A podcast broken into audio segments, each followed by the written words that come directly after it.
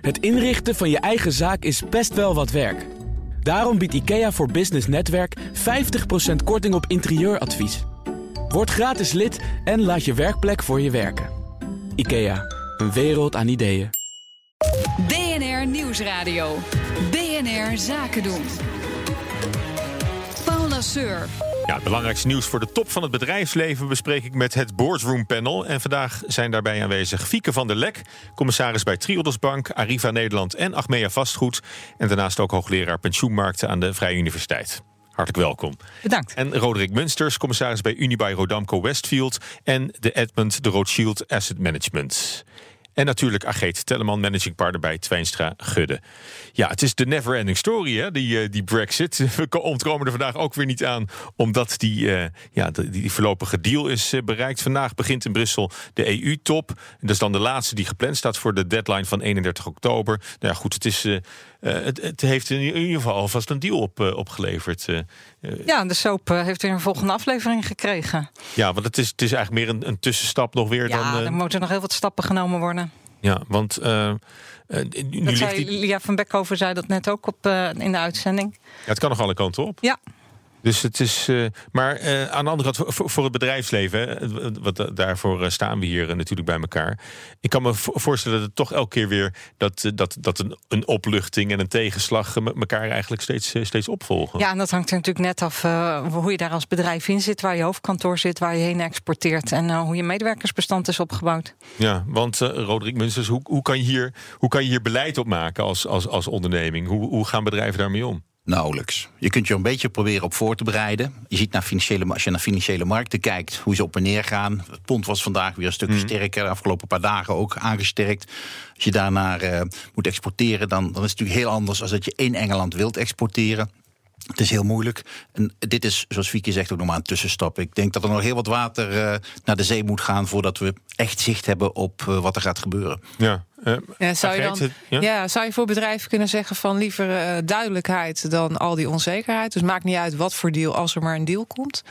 Ja, dat is nu wel een beetje de insteek. Alleen dat gaat toch nog wel even duren. Hè. We gaan nu weer even de goede kant op. Maar ik breng graag in herinnering bij mij, hebben we dat ook gezien.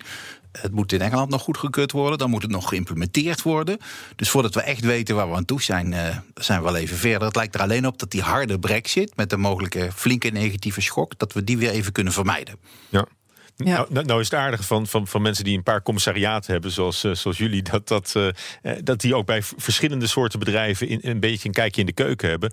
Hoe, hoe, is daar nou, hoe is bij verschillende bedrijven nou anders gereageerd op die hele uh, Brexit-dreiging? Nou, wat we bij Triodos Bank hebben gezien, is dat wij een, een branche in Engeland hadden en dat we die moesten verzelfstandigen in aanloop naar.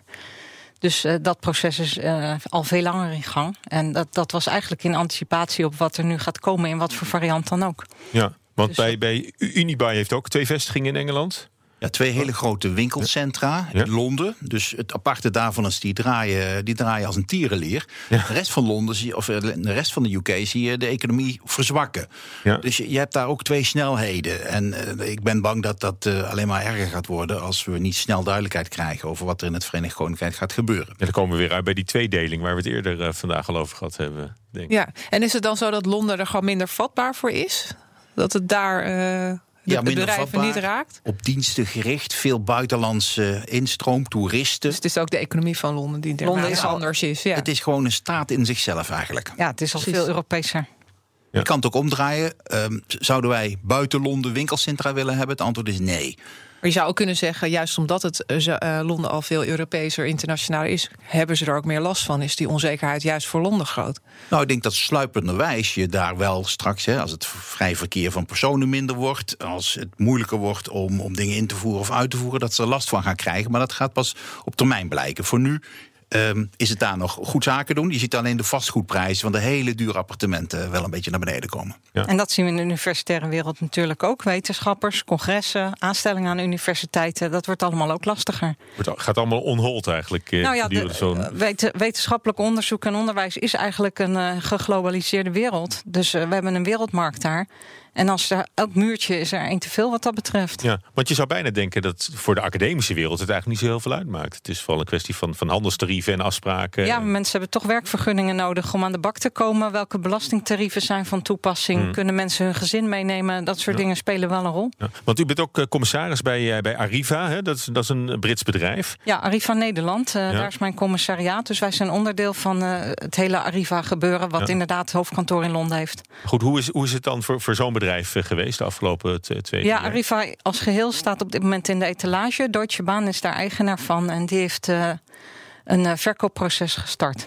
Ja, want er, er, En waren, dus- er waren plannen voor een beursgang, maar dat is... Dat kan een uitkomst daarvan zijn, maar er zijn meer opties mogelijk. Ehm, en dat is eigenlijk parallel aan deze ontwikkelingen in gang gezet. ja.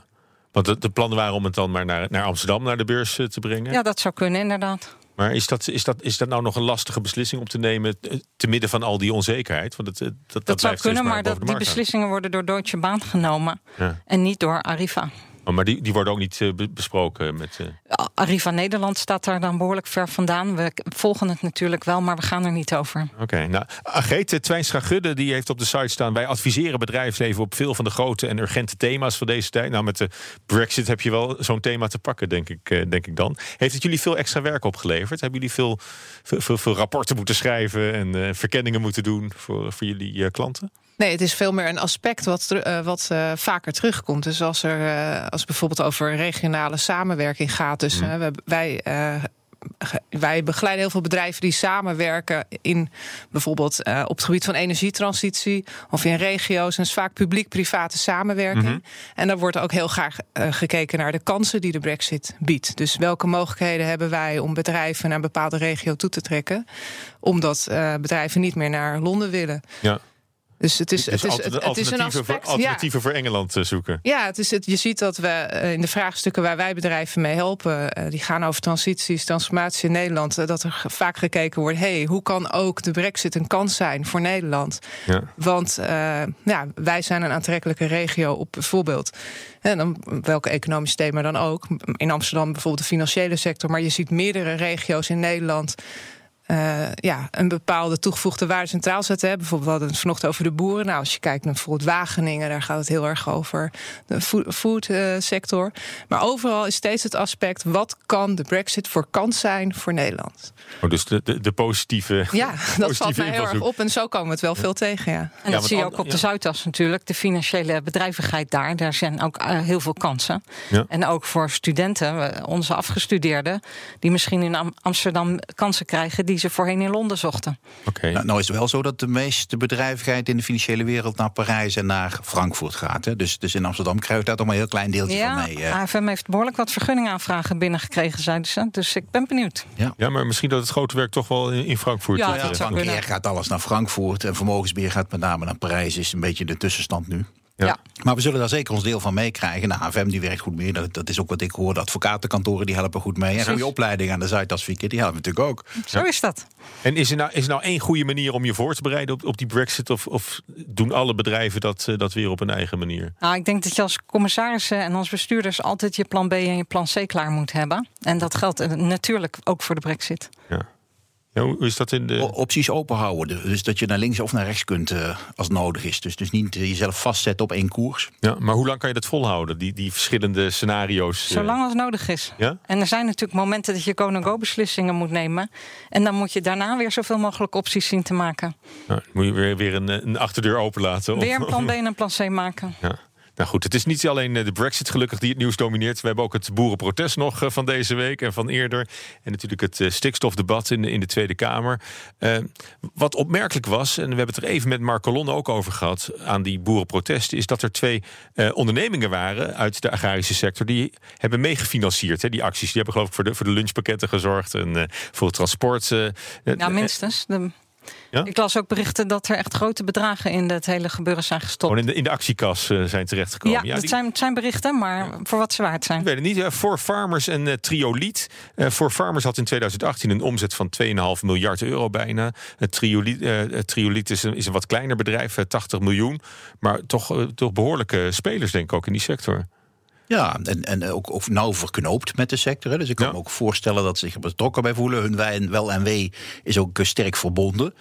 Ja, je wilt natuurlijk wel dat de dingen niet uit de hand gaan lopen. Op het moment dat die boeren dingen gaan doen waarvan je als burger zou zeggen: God, dat kan eigenlijk niet. Dan, dan, dan wil je wel een beetje afstand kunnen houden, mag ik hopen. Ja, maar dat Ja, wordt toch lastig als je, als, je, als je geld aan ze geeft om, om Ja. actie te voeren. Ik vind met name zorgelijk dat er ook boeren zijn die wel milieuvriendelijk boeren. En die op deze, deze manier daar niet eh, de rendementen van kunnen krijgen. Doordat er een hele grote groep eh, conservatief in zit. hè? Ja. Eh, ja, maar ook die verbeteringen, die milieuvriendelijke manier van werken tegen probeert te houden. Terwijl die boeren juist hun nek hebben uitgestoken om wel milieuvriendelijk te boeren. Ja, en is dat, eh, eh, wel- welke rol hebben die bedrijven daar dan in, die in de agrarische sector bijvoorbeeld voor, de, voor dierenvoeder zorgen? Ja, die hebben, zullen ongetwijfeld belangen hebben in de hele voedselproductieketen. En daar kunnen we wel een heel aantal uren over doorpraten. Wat er allemaal gaande is. Bottom line is denk ik dat Nederland veel voor de export produceert. Ja. Ehm, dus dat we ook moeten kijken hoe de kosten en baten in Nederland er nou eigenlijk uitzien. Ja, want eh, biologische boeren zullen misschien minder snel banden hebben met voor farmers eh, bijvoorbeeld. Dat weet ik niet, maar dat zou denkbaar zijn. Ja. Dat zou je moeten uitzoeken. Follow the money, zou ik dan zeggen. Ja, nou ja het, gaat, het gaat natuurlijk niet alleen om, om de stikstof natuurlijk. Hè. Eh, niet alleen de landbouwsector, ook de, ook de vastgoedsector speelt er natuurlijk een rol in. En dan zit je al bij, eh, in, op het terrein van, eh, van Unibuy. Maar is, staat het dan te, te ver weg van jullie dagelijkse eh, nou, in, in, die, beheer van, van vastgoed? in die winkelcentra is eh, food and beverage, zal ik maar noemen. Hè, de fine dining zelfs tegen vandaag de dag wel een thema. Dus ongeveer ja, meer dan 10% van, van de omzet in zo'n winkelcentrum kan uit, uit voedsel komen. Dus het aanleveren van voedsel, het eh, omgaan met afval. eh, is, is wel een thema waarbij we zien dat met name de consument eh, duurzaam geproduceerd voedsel. We hebben op sommige winkelcentra hebben we tuinen. dat ze dat heel erg op prijs stellen. Dus dat speelt absoluut. Ja, en het, het vastgoed zelf eh, en het eh, bijvoorbeeld nieuwbouw is, is, toch lastig. en- in, en- in Nederland is dat een probleem. Maar daar, ook daar zien we sterke tendensen naar de vergroening van vastgoed, de verduurzaming. En daar worden ook prijzen over uitgereikt. Dus ook die sector is zich aan het eh, verbeteren. Mm. En uit de bouwsector hoeven we niet zo snel acties te verwachten? Ja, moet ik te zeggen. Laten ze het vooral ook duurzaam doen. Ja, duurzaam. Ja, dat, eh, dat, dat lijkt me een goede. versoepeling van de rekenregels. Daar kleven te grote risico's aan. Schrijven hoogleraren in. Opnieuw een brief over de pensioendiscussie. Een van die hoogleraren staat hier in de studio. Straks meer. BNR Nieuwsradio. BNR Zaken doen. Waarin je luistert naar het Boardroom Panel. Daarin te gast multicommissaris en hoogleraar Fieke van der Lek. Ook meervoudig commissaris Roderick Munsters. Commissaris in de, in de vastgoed eh, investeringswereld. En AG Telleman, managing partner bij Twijnstra Gudde. Ja, we moeten het met eh, twee pensioendeskundigen aan tafel toch even hebben over de pensioendiscussie. Eerder deze week was er ineens een brief van ruim 40 hoogleraren, oud-bestuurders van pensioenfondsen, voormalige topmanagers, die allemaal aandringen op versoepeling van de in hun ogen te strenge rekenregels voor de pensioenfondsen. Nou, inmiddels ligt er alweer een nieuwe brief van andere hoogleraren die er weer anders tegen, eh, tegenaan kijken. Die zijn het niet eens eh, daarmee en die wijzen op de grote risico's die nog vaak over het hoofd worden gezien. En eh Fieke van der Lek, eh, u, u bent een van de tien hoogleraren die deze tegenhanger heeft eh, onderschreven. Ja, inderdaad. Wa- wa- Wat is het grootste bezwaar tegen het aanpassen van, van de rekenrente? We hebben in onze brief willen zeggen dat je daar best voor kan zijn. Maar dat je dan het hele verhaal moet vertellen. En wij hebben in onze brief eh, de andere helft van het verhaal verteld. Namelijk als je de rekenrente verhoogt, dan ga je sneller eh, pensioengeld uitdelen aan de mensen die nu pensioen krijgen. En je houdt de risico's in de pot. Dus eh, de jongere generaties blijven met de risico's achter. En de vergoeding voor het lopen van die risico's ga je nu al vervroegd uitdelen. Oké, eh, Roderick Munsters droeg dit onderwerp ook aan. Eh, Ben je het eens met, met Fieke? Nou, ik kan me bij allebei de standpunten wel iets voorstellen. Vanuit de emotie, als er 1500 miljard euro gespaard is, dat je dan al jarenlang niet kunt indexeren, dat begrijp ik dat dat vervelend is. Is in het buitenland ook moeilijk uit te leggen, is mijn ervaring. Aan de andere kant, de, de insteek van de, van de tweede serie hoogleraren, zal ik maar noemen, waaronder Fieke, die snap ik ook. Want je herverdeelt op een andere manier en je, je laat een stuk van het verhaal achterwege. Wat mij met name verbaast in de Nederlandse discussie, is dat we het beleggingsbeleid niet aan de orde laten komen. Ehm Nederlandse pensioenfondsen beleggen volgens mij op dit moment ongeveer 400 miljard euro in negatief renderende staatsobligaties. Daar weet je dus zeker van dat ze volgend jaar minder waard zijn dan nu. En dat doen we voor 400 miljard euro. Eh, daar kan ik met mijn verstand niet bij.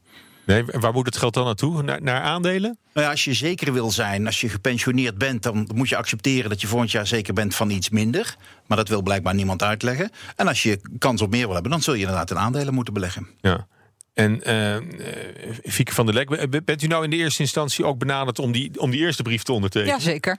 Dat is toch een merkwaardige situatie. Hier. Nee, dat is prima. We leven in een vrij land, dus uh, je krijgt de kans om te tekenen. Je maakt je afwegingen. Um, en een paar dagen later ontstond er een volgend initiatief. En dan kwam er weer een verzoek. En ik dacht, ja, hier teken ik wel. Okay, maar ja, maar dus dat is dus op zich prima hoor. Ja. We mogen met elkaar een openlijk debat voeren. En uiteindelijk ja. kunnen de lezers en luisteraars daar dan weer hun mening over vormen.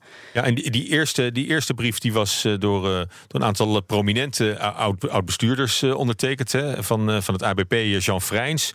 ook Lex Hoogtuin, hè, voormalig directeur bij de Nederlandse Bank. Jeroen van der Veer, hè, oud Shell. Herman Wijfels eh, stond eronder. Mm, dus, ja. dus, dus, het zijn echt. Het is een beetje de battle of, of de prominenten. Nou ja, het is in de, in de pensioendiscussie. Een beetje merkwaardig. Want als er bij mij een brief langs zou komen over hoe snel en hoeveel olie moet er opgepompt worden, zou ik zeggen: Nou, bedankt, maar daar heb ik niet voor doorgeleerd. Oké, dus hij, hij dus, weet eigenlijk niet waar hij het over heeft. Nou ja, Jeroen van der Veer. Een voorbeeld, hè? Want er zijn meer van die namen. Bij ING, dus hij heeft wel een beetje verstand van, denk ik. Ja. Jawel, maar het is maar net waar kies je dan je naam aan te verbinden. En dan wil ik het zeker niet op deze persoon. Maar in nee, het nee. algemeen zeg ik ja, prominenten ieder zijn vak. Ja. Wat mij opvalt is dat er ook uh, het argument heel erg uh, gaat over de effecten voor jonge generaties. Terwijl de brief dan niet echt ondertekend wordt door de jonge generaties. Uh, hoe, hoe, zijn die al afgehaakt of zijn die daar niet op aangesloten? Kunnen jullie dat verklaren?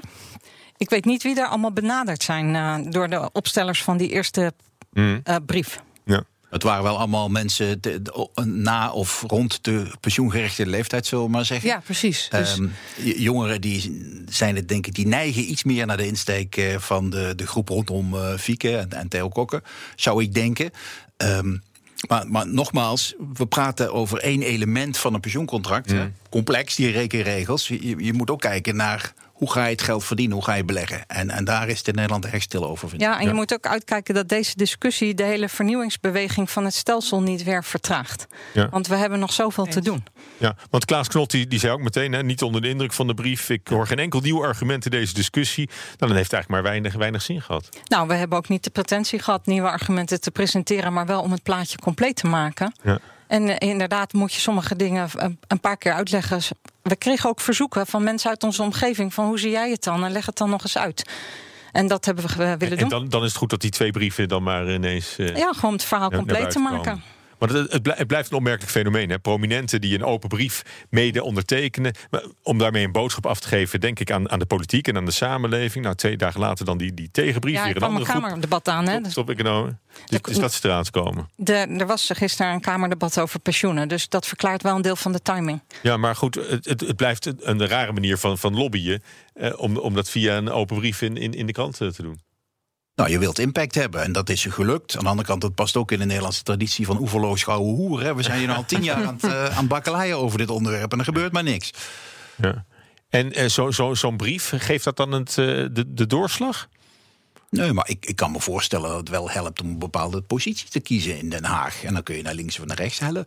Uh, nou ja, al nagelang de politieke smaken zullen mensen daar een voorkeur wel bij, uh, bij pakken. Ja, wat, wat, hoe, is, hoe is anders die, uh, die relatie tussen, tussen bedrijfsleven, de wetenschappelijke wereld en, en de politiek? Dat, die, die, die praat niet zo, niet zo makkelijk met elkaar. Oh ja, ik ben het helemaal met Roderick eens. We voeren dit debat al tien jaar als het niet langer is. Ja. Dus, uh, en dat zo nu en dan zie je het dan even weer... Uh, in, Oprispen. Uh, ja, wordt, wordt even breder bekend. Maar achter de schermen gaat dit door. We hebben natuurlijk het hele her, pensioenakkoord... en de eindeloze aanloop daarheen ook meegemaakt. In kringen van sociale partners in het, de pensioenindustrie. Het bedrijfsleven. Dus dat, dit is inderdaad gewoon... We zetten het allemaal maar weer eens even op een rijtje... zodat we, dat we in het debat weer verder kunnen. Ja, en dan, ja. is, het, dan is goed dat alle argumenten op tafel liggen. Ja, ja en ik, ik vind op zich wel een terecht punt van... want ergens is dit ook weer een, een deelaspect de brief uh, stelt van we moeten eigenlijk niet, we moeten het hele verhaal vertellen, maar de brief is, gaat specifiek over de regenregels, regen, uh, rekenregels. Maar dan denk ik, ja, dit is weer een, een, een, een aspect en niet het hele verhaal. Dit helpt natuurlijk niet het hele grote debat uh, wat er plaatsvindt en waar ook uh, nou, in de polder hopen we toch maar dat dat weer tot een, een, ja, een nieuwe een nieuwe stap komt. Dat we eruit ja. komen. Dat er een nieuw pensioenstelsel komt. En nou, ik denk dat we daar allemaal belang bij hebben. Dus al die kleine aspecten daaruit lichten en heel technisch belichten. Ik weet niet of dat helpt om het uh, debat te versnellen. Ja, dat heb je natuurlijk in principe op elk onderwerp. Als je het over de stelsherziening in de medische sector hebt, bijvoorbeeld ook, zorgsysteem.